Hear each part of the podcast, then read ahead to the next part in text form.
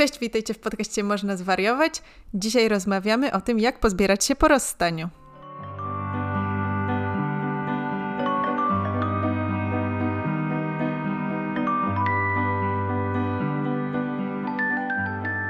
To odcinek, e, który zaproponowałam w, od, w ostatnim odcinku rewelacyjnego grudnia i powiedziałam, że jeśli będziecie do nas pisać, że chcecie posłuchać takiego odcinka, to y, może uda mi się przekonać Anię, więc y, dzięki za te wszystkie wiadomości, których screeny mogłam wysyłać jej E, w, co, co rano i co noc, bo udało mi się ją przekonać i teraz jesteśmy tutaj. Nagrywamy odcinek. Wcale nie trzeba było mnie przekonywać, bo to było. Wcale trzeba było. To było naturalne przedłużenie tego odcinka, ponieważ trochę nie zmieściłyśmy się wtedy w czasie, a trochę. Mm, może to być po prostu fajny, osobny odcinek e, do posłuchania, właśnie już w takim momencie, kiedy ktoś jest po tym rozstaniu. E, natomiast zanim przejdziemy jeszcze do tego odcinka i do naszej rundki wstępnej, to chcemy podziękować osobom wspierającym nas na Patronite, w szczególności Zosi i Maciejowi. E, zachęcamy Was też do mm, tego wsparcia. Link oczywiście znajdziecie w opisie odcinka. Pamiętajcie, że możecie wspierać podcast Można Zwariować, dzieląc się nim e, z waszymi bliskimi osobami e, i podsyłając link, ale też zostawiając nam gwiazdki na Apple Podcasts lub Spotify. Podcast jest również dostępny na YouTubie, e, ale tam jest mniejszy ruch. A możecie tam komentować. No dobra, to powiedz Kleo, z czym zaczynasz e, ten odcinek? E, odcinek zaczynam dzisiaj w bardzo dobrym humorze. Nie wiem, czy to kwestia tego, że wypiłam dużo kawy, czy że jakaś kolejna planeta wyszła, weszła lub przeszła przez jakąś retrogradację, czy pełnia, czy coś ale mm, mam dzisiaj dużo energii. Pełnia szczęścia. Jeszcze tak, to była dokładnie pełnia szczęścia, pełnia marzenie się spełnia. E, trochę mi ciężko było się przedstawić jeszcze w różnych strefach czasowych, różnych trybach i tak dalej, ale finalnie mam wrażenie, że wszystko zmierza ku lepszemu. E, mam różne pomysły, mam dużo energii. E, czasami jak słucham jakichś odcinków wstecz, żeby sobie coś przypomnieć albo czegoś poszukać, o czym mówiłyśmy, to się śmieję, jak słyszę, jakie, jakie rzeczy gadam tego typu. No ale zaczynam z, z pozytywnym nastawieniem. I dzisiaj też świeciło słońce. Tak, myślę, że to dlatego się dobrze czujesz. Dokładnie, tak, masz rację. To jest taka różnica. Bo ja właśnie chciałam powiedzieć, że, że ja się też dobrze dzisiaj czuję, mimo że miałam jakąś taką serię porannych e, fakapów. Porannych porażek, Pepe. E, tak, to, to, totalne porażki, ponieważ e, miałam jakoś tak, że musiałam szybko wyjść z domu, więc śpieszyłam się. Potem okazało się, że nie ma wody, jest awaria wody w gabinecie, więc musiałam szybko kupić y, wodę w, y, w rockshopie i potem okazało się, że nie mam jednak pierwszej sesji, którą miałam mieć, więc y, bardzo intensywny poranek. Dużo niepotrzebnych rzeczy, ale mimo wszystko byłam w bardzo dobrym nastroju, bo świeciło słońce. I jestem 100% przekonana, że to właśnie tylko dlatego, bo gdyby była jakaś ulewa jeszcze i musiałabym schodzić na dół do tej żabki, no to nie, to już bym, to już bym była rozdrażniona. Racja, słońce naprawdę y, dodaje wszystkiemu plus 10 punktów. Uroku. No to słuchaj, jak ty się zbierasz po rozstaniu? No, rozstanie jest na pewno takim momentem, i o czym już też wspominałyśmy, bardzo podobnym do e, żałoby, więc myślę, że zanim się pozbieram, czy zanim ktokolwiek by się chciał pozbierać, to należy trochę poleżeć. Tak jak kiedy się przewróciliśmy, to nie wstajemy od razu, tylko czasami trzeba sprawdzić, czy tam nie ma jakiegoś złamania albo nie ma jakiegoś zwichnięcia często ta osoba po prostu jest w bólu i musi trochę z tym bólem pobyć, albo ten ból musi minąć. Dopiero potem podnosimy się, zbieramy i te wszystkie słowa, których używamy też do opisywania rozstań, czy, czy przechodzenia przez każdy inny kryzys. No a jak u ciebie z tym podnoszeniem się? Wydaje mi się, że mm, to, co ma bardzo duży wpływ na to, jak się podnosisz y, po takim rozstaniu i jak się, jak się pozbierasz, y, to jest to, o, o czym wspominałyśmy właśnie w odcinku rewelacyjnego grudnia o rozstaniach, czyli to, jak przebiegło to rozstanie, no nie? Czy było obopólnie konsensualne, czy ktoś się z tobą rozstał na przykład w jakiś sposób nie fair, czy to była zdrada, czy to było jakieś takie właśnie nie w porządku zachowanie wobec ciebie, czy właśnie w drugą stronę. To ty byłeś, byłaś osobą, która podjęła tę decyzję i miała czas na to, żeby się z nią oswoić i miała czas, żeby, żeby sobie to jeszcze przemyśleć, zanim to się stało i później e, jakby sfinalizować te, te e, transakcje. Myślę, że to są bardzo różne rodzaje pozbierania się. Pamiętam, że w sytuacjach, w których ja się z kimś rozstawałam, no to ten, jakby to myślenie o tym, że ta relacja nie ma przyszłości, dojrzawało we mnie przez jakiś czas. No i miałam ten czas i przestrzeń do tego, żeby jeszcze sobie to przemyśleć, zanim podejmę te decyzje, no nie? Więc y, automatycznie, oczywiście było mi smutno, no bo za każdym razem jednak wiążesz z tym jakieś nadzieje i myślisz, że to się uda, no bo po co robić coś, co miałoby nic ci nie przynieść. To szkoda czasu. Natomiast no, to jest dużo bardziej delikatne doświadczenie, w sensie delikatne dla mojej psychiki, e, kiedy ty jesteś osobą rozstającą się, no bo już, już jesteś e, w jakimś mindsetie, który siłą rzeczy no, godzisz się z tym. I zazwyczaj to wtedy wyglądało tak, że na przykład, nie wiem, no były takie kilka dni, może tydzień, kiedy było mi po prostu bardzo smutno, no bo szkoda mi było tej relacji, ale mniej więcej po kilku dniach już e, patrzyłam na swoje nowe życie e, indywidualne jako, wiesz, super szansa i cieszyłam się na nie, bo było lepszym miejscem niż ta relacja, z której postanowiłam się wymiksować, no nie? Natomiast w sytuacji, w której musisz się rozstać z kimś i nie chcesz tego robić, albo ktoś się rozstaje z tobą, albo to wynika na przykład z sytuacji, to myślę, że jest pozbierać się dużo ciężej i dużo ciężej jest sobie wytłumaczyć to, dlaczego jest taka sytuacja i to, jak się z tym czujesz, czy to jest adekwatne, czy to nie jest adekwatne e, i, i jakby co właściwie ze sobą zrobić, bo no właśnie tak jak rozmawialiśmy w odcinku o żałobie, to zazwyczaj jest, y, nawet jeśli to mogłaś czuć, że to nadchodzi, to jednak jest zawsze jak, jakaś forma zaskoczenia, wiesz, nawet jeśli ktoś był w przewlekłej chorobie i nagle umiera, to, no, to nigdy nie jest się na, tym, na to przygotowanym, nie? Dokładnie i też y, przypomnijmy, że to, w jaki sposób przeżywamy takie rozstanie, czy właśnie odrzucenie w szczególności, y, nie jest dalekie od tego, w jaki sposób, w jaki sposób przeżywamy właśnie stratę kogoś y, bliskiego, już taką finalną stratę. Y, są za to odpowiedzialne podobne mechanizmy związane właśnie z przewidywaniem w naszym mózgu, tym predykcyjnym mózgiem, o którym też już mówiłyśmy kilka razy, e, z tym, że, że gdzieś mamy tą osobę zapisaną w pamięci, ale, ale też w jakichś naszych rutynach, w, naszym, w naszej regulacji emocji.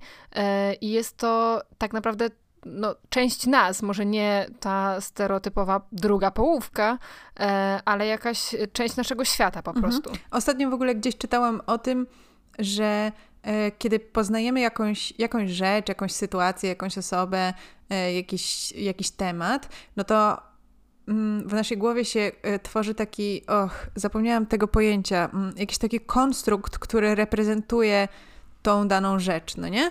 I finalnie, jeśli już mamy świadomość tego, czym to jest, to później wracamy do tego konstruktu, który się wytworzył w naszej głowie na tamten czas i który reprezentuje to, ale nie jest faktycznie tym, czym jest, no nie? Jest mhm. tylko tym, czym to... Tylko jakąś naszą tak, percepcją. czym to y, postrzegliśmy wtedy jako ten pierwszy raz i to sobie zapisaliśmy w głowie. I y, właśnie tam czytałam o tym, że, że na przykład artyści mają taką niesamowitą umiejętność tego pozostawania e, notorycznie ciekawym, no bo e, wiesz, Van Gogh malował słoneczniki czy irysy, nie? I to nie jest coś, co jest jak, jakąś rzeczą niesamowitą, a jednak to, jak on potrafił na nie spojrzeć, było czymś takim niesamowitym, bo potrafił patrzeć na rzeczy zupełnie codzienne i zwyczajne w sposób wyjątkowy. I myślę też, że właśnie to, jest jakiś taki wątek, który wydał mi się ciekawy, że czasami po prostu wyzbywamy się takiej ciekawości wobec takich rzeczy podstawowych, które już znamy, no nie? E, czyli mamy jedno konkretne założenie na temat na przykład osoby, z którą jesteśmy i nie myślimy o tym, jak ona się zmienia, tylko mamy bardzo konkretną jakąś wizję jej w swojej głowie a te osoby się zmieniają i wiesz, i może ty się odnosisz e, w dalszym ciągu po tym rozstaniu do, wiesz, do tej osoby, którą ta osoba była, jak tylko się zaczęliście spotykać, a ona już jest kimś zupełnie innym, a ty nie zrobiłaś tego update'u. Mhm. Coś, co też powiedziała mi jedna z moich przyjaciółek, e, ponieważ... No tak, bo chyba warto wspomnieć, że zrobiłyśmy research po przyjaciółkach w tej kwestii. I po członkiniach fundacji można zwariować również. E, natomiast to, co powiedziała mi właśnie jedna z moich przyjaciółek, to, że e, taką rzeczą, którą należałoby zrobić po tym rozstaniu, jakiekolwiek by ono nie było, to jest właśnie przyjrzenie się też, kim się jest. W sensie nie jest się już tą samą osobą, jak, y, jak wtedy, kiedy się wchodziło w ten związek, w tą relację. E, niezależnie od tego. No im dłuższa relacja, tym bardziej różną osobą jesteś, nie? Tak, to też oczywiście jest istotne.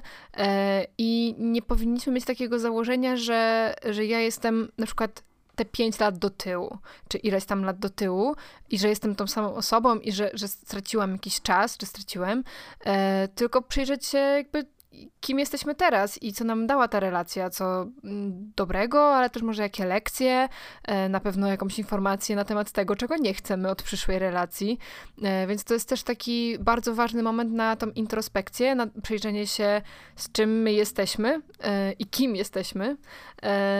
Oczywiście nie chodzi tutaj o jakieś kolejne zmiany w życiu i, i rewolucje, tylko bardziej takie zatrzymanie się i myślę sobie, że ten smutek po rozstaniu jest też właśnie taką naturalną informacją od naszego ciała, że no należy się zatrzymać. I tutaj analogicznie do mojej metafory na poczekaniu z upadkiem, przywróceniem się, że to jest też właśnie ten sygnał. A co myślisz o zrywaniu kontaktu, takim bezwzględnym zrywaniu kontaktu z tą osobą po rozstaniu? Dobre rozwiązanie, złe rozwiązanie dla każdego, nie dla każdego, zależy, trzeba się umówić. Jak czujesz? Na, na, na pewno to zależy od tego, w jakim byliśmy rodzaju kontaktu, czy jak e, nie wiem, no i od jakiejś okoliczności, no bo jeśli mamy wspólnie dzieci, to, to nie da się zerwać tego kontaktu od tak na zawsze i zablokować się wszędzie, bo pewnie należy dzielić jakieś obowiązki.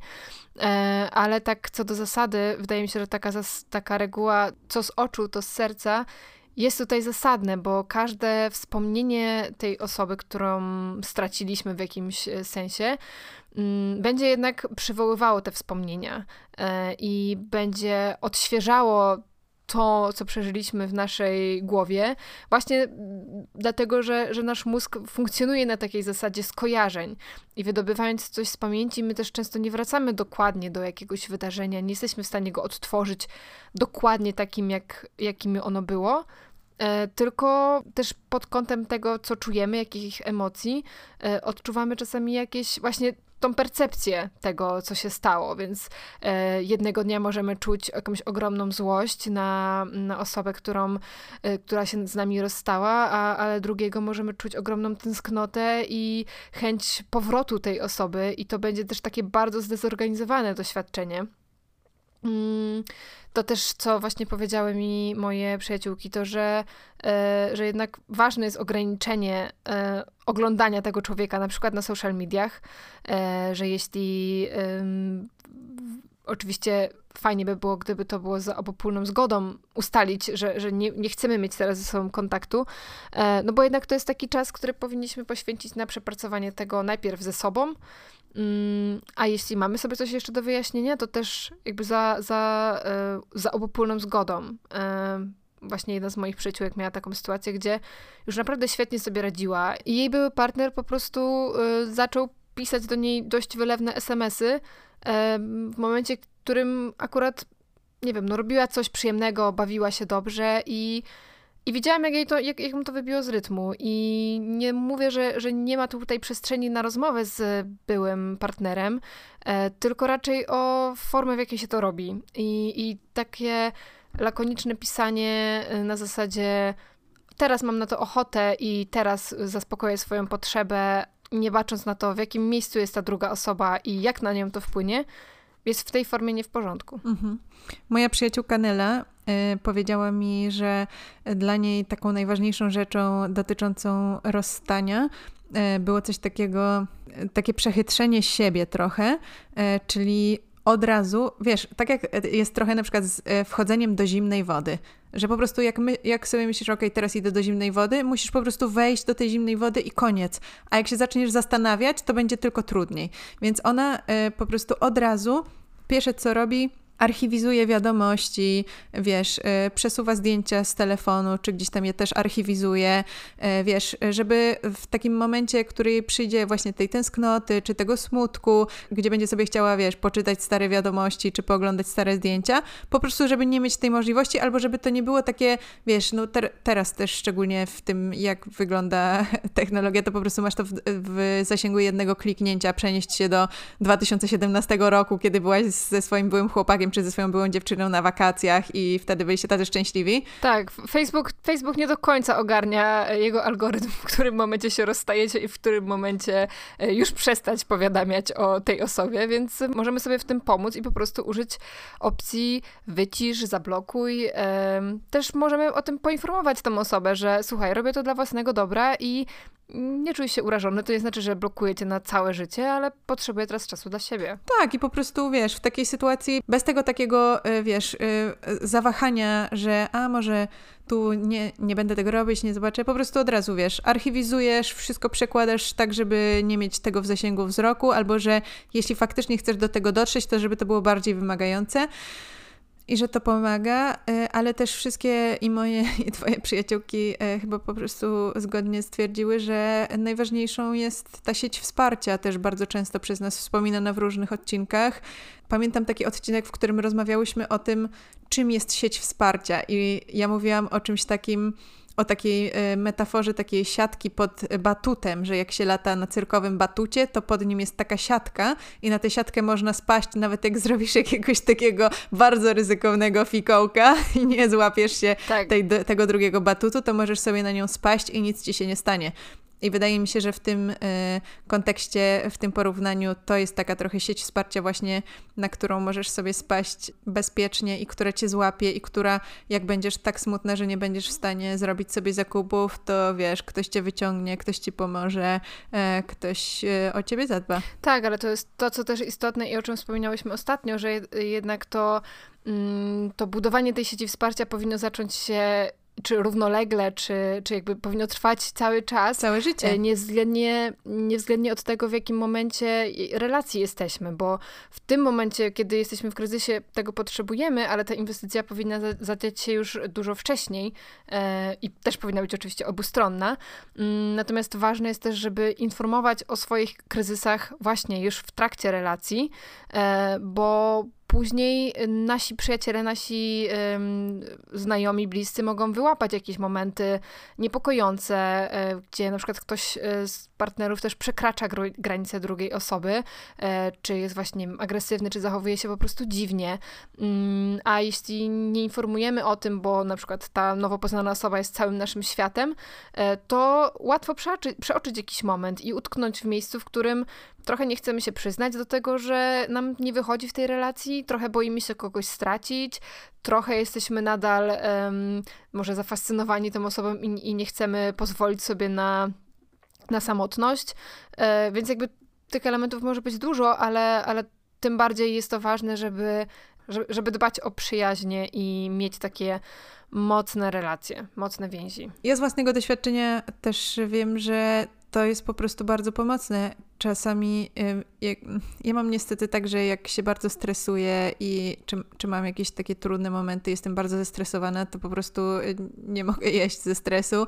I na przykład było tak, że taki stres w moim przypadku trwał trochę dłużej, właśnie też był związany poniekąd między innymi z rozstaniem. E, i wiesz, i, i osoby mnie bardzo wspierały, chociażby wiesz, albo wyciągając mnie na jakieś jedzenie, bo po prostu za, zauważyły, że zaczynam dramatycznie tracić na wadze, e, do tego stopnia, że e, moi rodzice na przykład y, kupowali mi nutri-drinki w aptece, bo dużo łatwiej mi było jakby, jak masz jakiś taki właśnie stres, dużo łatwiej jest y, konsumować rzeczy, które są w płynie, no nie? A nutri-drinki to są takie e, Nutri-drinki to są takie e, w aptece, które można kupić na napoje takie bardziej szejki, które, które mają chyba tam po 300 aż kalorii i mają takie zapełnienie, wiesz, wszystkich różnych wita witamin i tak dalej. E, I to było super rozwiązanie, o czym też ja bym wtedy nie pomyślała, bo w ogóle inne rzeczy były, miałam w swojej głowie. Mhm. Też to, co inna znajoma osoba mi napisała i też pamiętam e, to z twojej historii na temat e, gaslightingu, to, że właśnie reakcja bliskich na opowiadanie historii na temat tego, co się działo w trakcie rozstania czy przed rozstaniem e, i taka autentyczna relacja jakiegoś też szoku czy oburzenia, popierania właśnie decyzji na temat rozstania jest bardzo wzmacniająca czy taka stabilizująca. E, szczególnie właśnie w tych sytuacjach, w których nie informujemy naszych znajomych, bliskich na temat tego, co się dzieje w naszym intymnym życiu e, i kiedy już odważymy się o tym powiedzieć, bo to często też wiąże się z jakimś e, wstydem czy z jakimś poczuciem, że coś nam nie wyszło, e, to jakby ta autentyczna reakcja e, tych osób jest też bardzo ważna, więc... E, Taka mm. uprawomocniająca twoje uczucia, no nie? Tak, no i, i, na pewno też pokazująca, że to wcale nie jest y, błąd, że to nie jest nasza porażka. E, to znaczy, oczywiście można e, coś spieprzyć i rozstać się z kimś e, wobec tego i wziąć za to odpowiedzialność, ale nawet jeśli, to, to nie, nie jest niczym innym niż po prostu popełnienie jakiegoś błędu, za które właśnie trzeba wziąć odpowiedzialność. Natomiast sam fakt, że się rozstajemy, to nie jest w żaden sposób. Um, porażką, czy, czy właśnie jakimś czymś, coś zdarza się tylko tobie i tylko tobie nie wychodzi. E, to też nie jest koniec świata oczywiście, mimo że w tym momencie pewnie tego konkretnego dnia czy tygodnia właśnie tak się wydaje. E, I też ta pustka, którą się odczuwa po rozstaniu i właśnie mm, to, że czasami nie ma tej osoby, do której naturalnie byśmy się odezwali, e, może, może jednak dawać znać, że no coś jest nie tak, jesteś sama, sam, nie masz teraz tej osoby. E, więc takie nawet przypominanie sobie tego łopatologicznie, że, że to absolutnie nie jest, e, nie oznacza porażki. Łatwo w ten sposób dojść do takiego wniosku, że coś, coś jest z tobą nie tak, no nie? A myślę, że warto zawsze mieć w głowie to, że to jest zawsze kombinacja dwóch osób i to jest zawsze 50-50, że to jest jakby zawsze po prostu brak kompatybilności między dwoma osobami, które być może nie są w stanie razem funkcjonować i nie są właściwe dla siebie nawzajem, ale to nie oznacza, że będą e, niewłaściwe dla kogoś innego. Tak, i jeszcze jedna z moich znajomych podpowiedziała mi sposób, w którym z którym ona poradziła sobie z rozstaniem, albo radzi sobie, e, to jest y, moim zdaniem bardzo ciekawy sposób, z którego w ogóle bym nie pomyślała, mm, czyli spisanie kroniki rozstania czyli chronologiczne e, rozpisanie wszystkich wydarzeń e, od momentu, w którym zaczęło się coś psuć. To jest taka okazja, żeby też przyjrzeć się. O, ciekawe. Nie słyszałam o tym nigdy. Ja również. Nie, nie, nie wiem w sumie, czy ona na to wpadła sama, czy, czy może ktoś też jej podpowiedział. Ciekawe. Ale to jest, y, z tego co powiedziała, to właśnie jest taka okazja, żeby przyjrzeć się zarówno swoim zachowaniom, e, jak i tego ówczesnego partnera.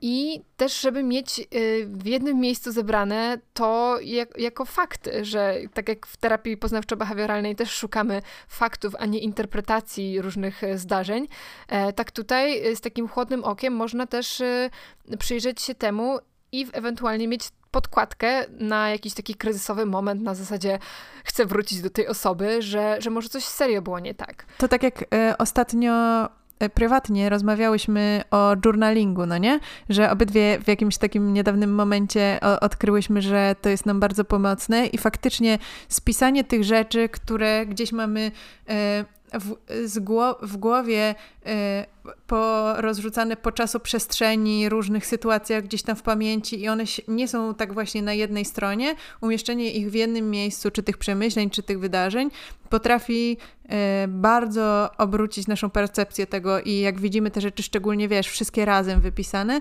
to może naprawdę dużo zmienić, więc myślę, że to jest w ogóle super fajny pomysł. Tak, też e, czasami w terapii stosuje się taką technikę właśnie osi czasu i zaznaczania na niej ważnych wydarzeń.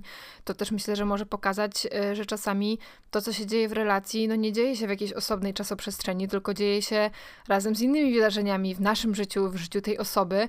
I jeśli to po prostu nie jest e, ten czas, to miejsce na budowanie tej relacji, to też może jakoś być dla nas e, odciążające. Mm, a jeszcze drugą kwestią, którą e, ta osoba mi podpowiedziała, to jest właśnie też spisanie e, listy, tym razem czerwonych flag.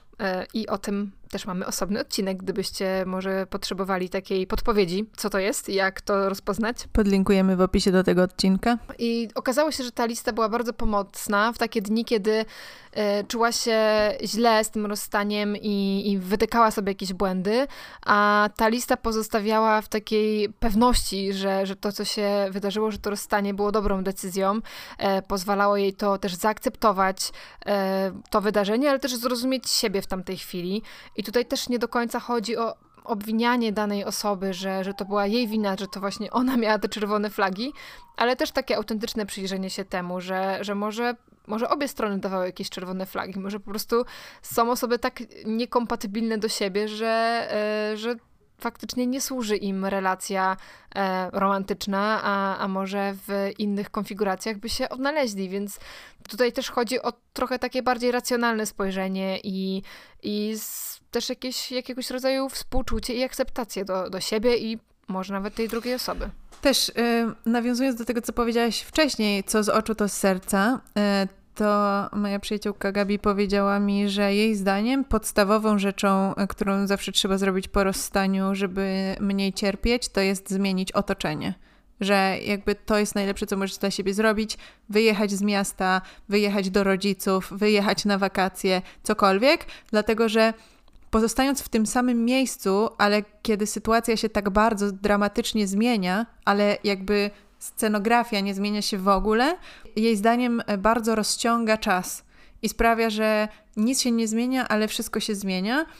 I w sumie ja miałam też takie właśnie doświadczenie i muszę, muszę to potwierdzić, że ta zmiana scenografii, zmiana sytuacji, oczywiście jeśli możemy sobie na to pozwolić yy, i mamy taką możliwość, yy, może być czymś super, wiesz, nawet jeśli to będzie czy to nie musi być wyjazd na drugi koniec świata, ale może być. E, ale to może być, nie wiem, może to może być przeprowadzka, może to może być wyjazd na krótkie wakacje, wiesz, cokolwiek, bo to daje jakąś taką przerwę od tego momentu. Albo nawet właśnie poproszenie e, któregoś z przyjaciół, e, żeby, czy możemy u nich przenocować. Czy możesz u nich przenocować, tak, dokładnie. E, co, co też czasami pewnie naturalnie byśmy zaproponowali w jakichś konkretnych sytuacjach, no bo myślę sobie, że, że szczególnie trudne są takie rozstania, w których właśnie mieszka się razem i, i to następuje nagle. Nie mamy czasu, żeby tego jakoś... Um, załatwić y, formalnie właśnie, żeby no, czasami spakowanie się i wyprowadzenie nie jest takie łatwe, jak byśmy chcieli, y, szczególnie jeśli nie mamy, mm, nie mamy y, dobrej sytuacji mieszkaniowej w tym kraju, ale na pewno właśnie ta sieć wsparcia też może w tym pomóc. I myślę sobie, że akurat ostatnio miałam okazję mm, zobaczyć też w kontekście zawodowym e, przeciwny przypadek osoby, jakby pary, która pozostawała e, w jednym e, mieszkaniu mimo, e, mimo trudnego kryzysu ich i tak naprawdę trochę chęci rozstania, ale trochę nie.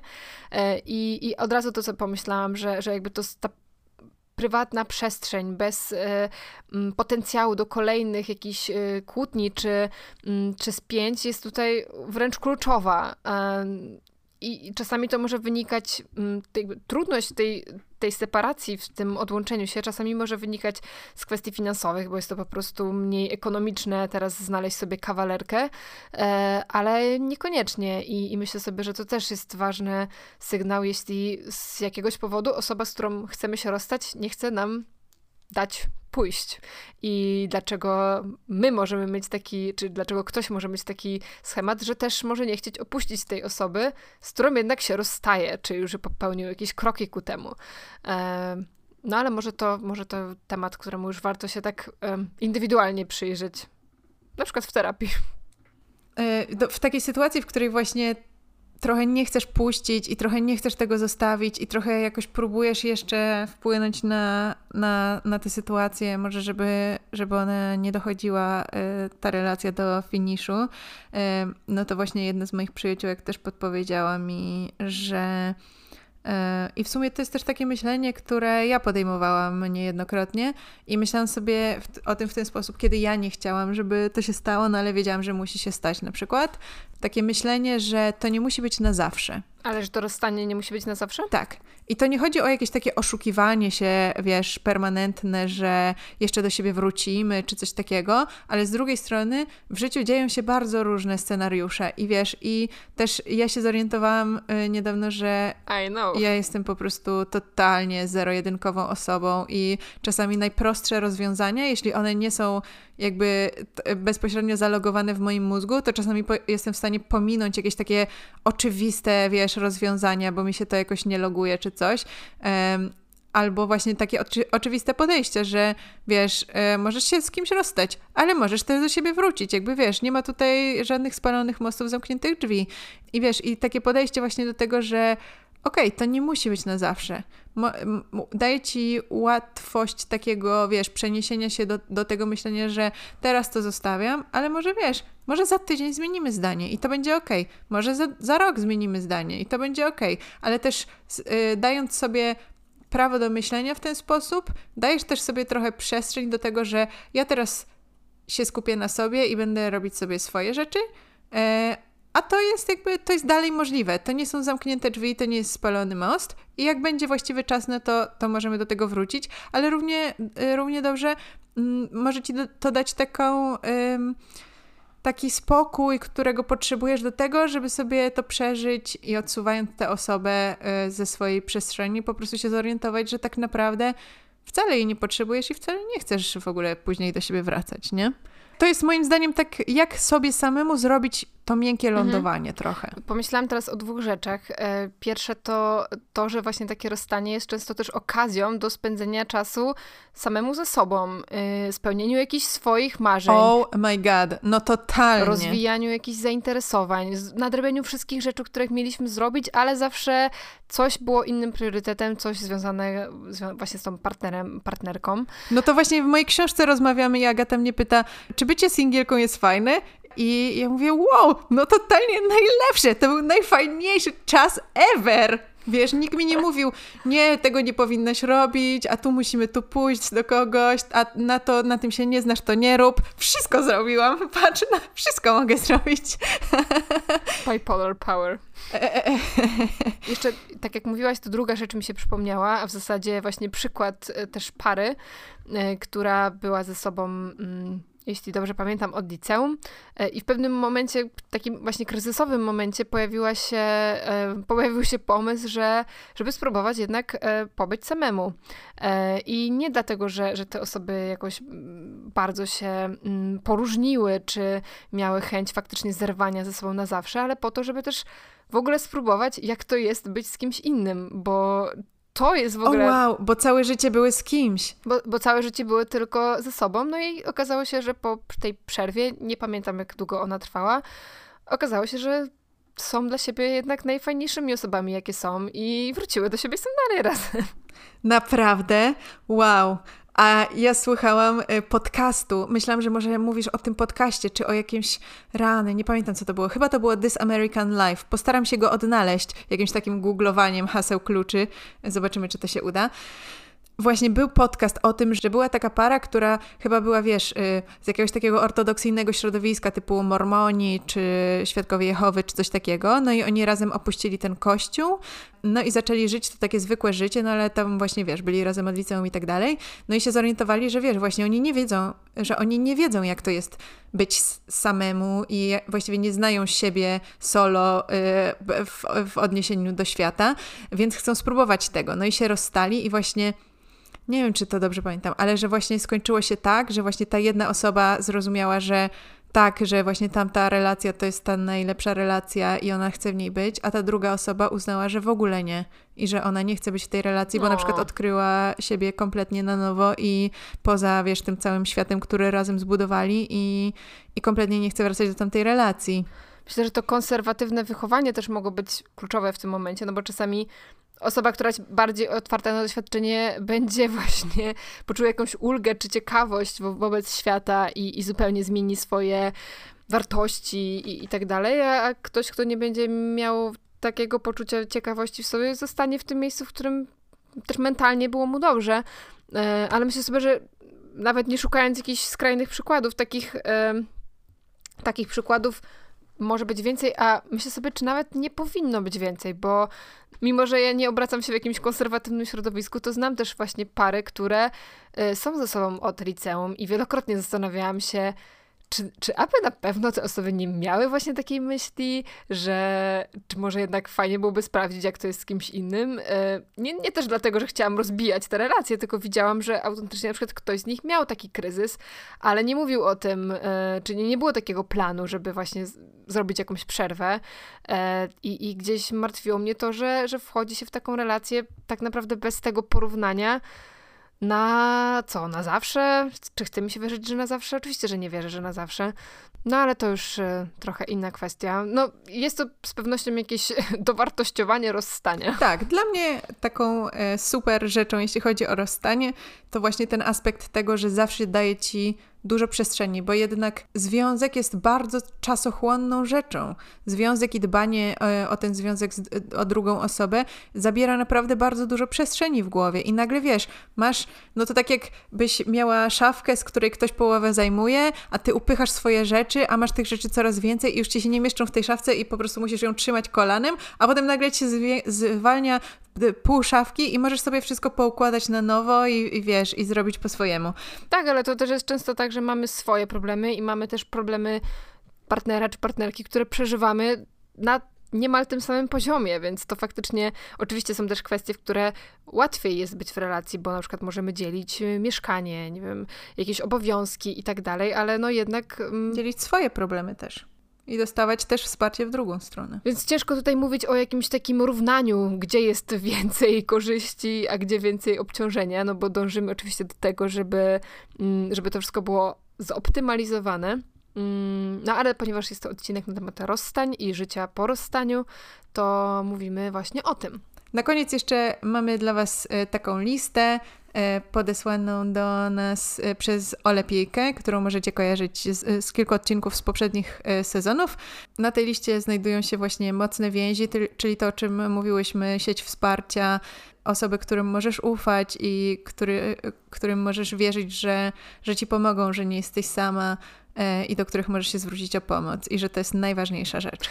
Tak, Ola też wspomniała, że to, co jej pomagało, to czytanie powieści, czy oglądanie filmów, czy po prostu słuchanie historii, które pozwalają poczuć, że e, rozstanie i to cierpienie z nim związane jest powszechnym doświadczeniem od zawsze i na zawsze, e, i że po prostu nie jesteśmy w tym sami, mm, i że każdy w jakimś momencie będzie to przeżywał, będzie mieć złamane serce.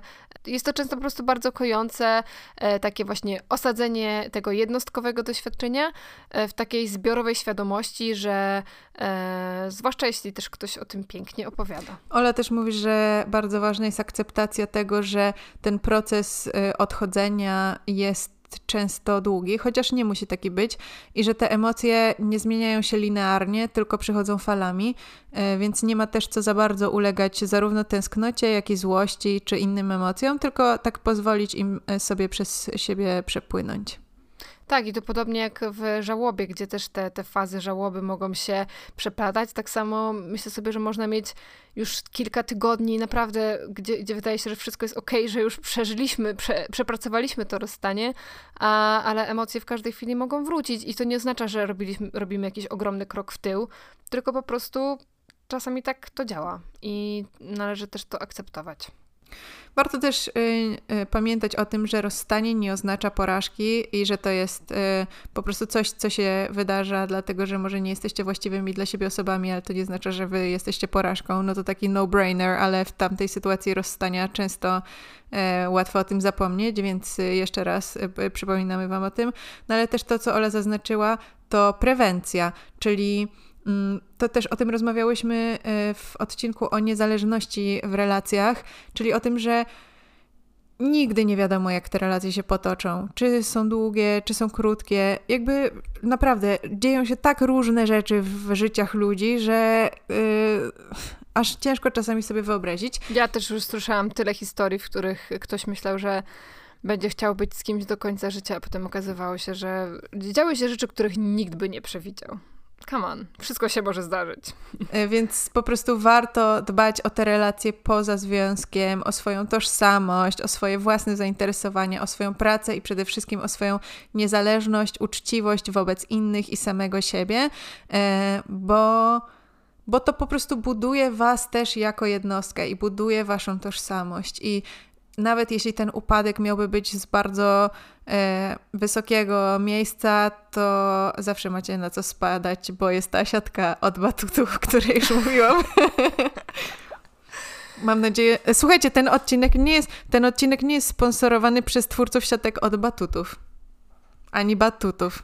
Myślę, że w kwestii tego życia po rozstaniu może nasuwać się jeszcze wiele pytań, na przykład takie kiedy zaczynać e, randki y, po, po tym okresie właśnie żałoby? O nie, to brzmi jak kolejny odcinek. Nie odpowiemy na to jakoś jednoznacznie, bo na pewno każdy będzie miał y, jakąś inną potrzebę. E, na pewno nie warto robić tego w tym samym tygodniu. Y, nieważne, czy to, czy to rozstanie e, was zaskoczyło, czy nie. Tak jak wcześniej powiedziałam, to jest czas, żeby dać sobie czas dla siebie, na zagłębienie się w to, co przeżywamy, wyciąganie jakichś lekcji, wniosków, e, zaopiekowanie się sobą w tym trudnym czasie. E, natomiast jeśli poczujecie taką ciekawość, jak to jest spotkać się z kimś innym, e, czy jak to jest być tą osobą, która e, idzie na randkę i musi być teraz e, interesująca, czy, czy jakoś, nie wiem, flirtująca, to sprawdźcie. To jakby też nie jest przecież tak, że jedna randka świadczy o tym, że, um, że jakoś, nie wiem, zdradzacie tą osobę, przecież skoro się już rozstaliście. Chociaż też myślę, że um, można mieć takie czasami poczucie, że, że to jest na przykład za wcześnie. E, też randkowanie nie oznacza wchodzenia e, czy szukania kolejnej relacji. To może być po prostu tyle rzeczy będzie rządziło tym przypadkiem, czy, czy y, ktoś się komuś spodoba, czy nie, czy będzie okazja, żeby stworzyć taką relację, że, y, że czasami to randkowanie może być jakoś w jakiś sposób wyzwalające, czy, czy właśnie może pokazać, że nie, to za, to za wcześnie. No jakby wracam do swojego kokona i, i jeszcze muszę sobie spędzić czas ze sobą. Yy, bo na przykład yy, coś jest dla Was takiego dotkliwego jeszcze w rozmawianiu właśnie z osobą, która potencjalnie miałaby Was zainteresować, więc... To może potrwać miesiąc, to może potrwać dwa lata. Myślę, że tak. I życzymy Wam, żeby po tym miesiącu czy po tych dwóch latach, żebyście poznali yy, tą super osobę dla siebie, jeśli tego chcecie. Dokładnie. A, a jeśli jesteście w relacji, w której napotykacie kryzys, ale jeszcze nie, rozmy nie rozmyślacie na temat rozstania, to polecamy Wam nasz odcinek z poprzedniego sezonu na temat kłótni. E, ponieważ kłótnie mogą być e, świetnym katalizatorem różnych przemian i e, rewolucji w relacjach i mogą zażegnawać, zażegnywać kryzysy, nie tylko je rodzić. Tak, bo temat tego odcinka to jak się dobrze kłócić. E, link znajdziecie w opisie do tego odcinka. Tak, więc jak już się pokłócicie, to, mm, to może, może okaże się, że jest jakiś etap tych przejść przez kryzysy, który jeszcze nie przeszłyśmy, więc możecie dać nam znać, czy jest coś e, w tej tematyce, co jeszcze Was interesuje. My cały czas też zbieramy pomysły i staramy się Was słuchać. Um, może coś co, z tego, co mówiłyśmy, Was jakoś zarezonuje i jeśli będziecie chcieli się z nami podzielić, to pamiętajcie, że możecie pisać na podcast małpa można zwariować.pl albo dołączyć do naszej grupy na Facebooku Można zwariować społeczność. Dokładnie. Tam też możecie zaczynać różne dyskusje anonimowo, zadawać pytania, e, więc e, zachęcamy do tego. Mm, jeszcze raz dziękujemy naszym patronom, e, patronkom wspierającym nas i do usłyszenia za tydzień. Jeśli y, jesteście akurat po rozstaniu, no to życzymy Wam miękkiego lądowania i mamy nadzieję, że te treści są wspierające. Tak. Do usłyszenia za tydzień. Pa!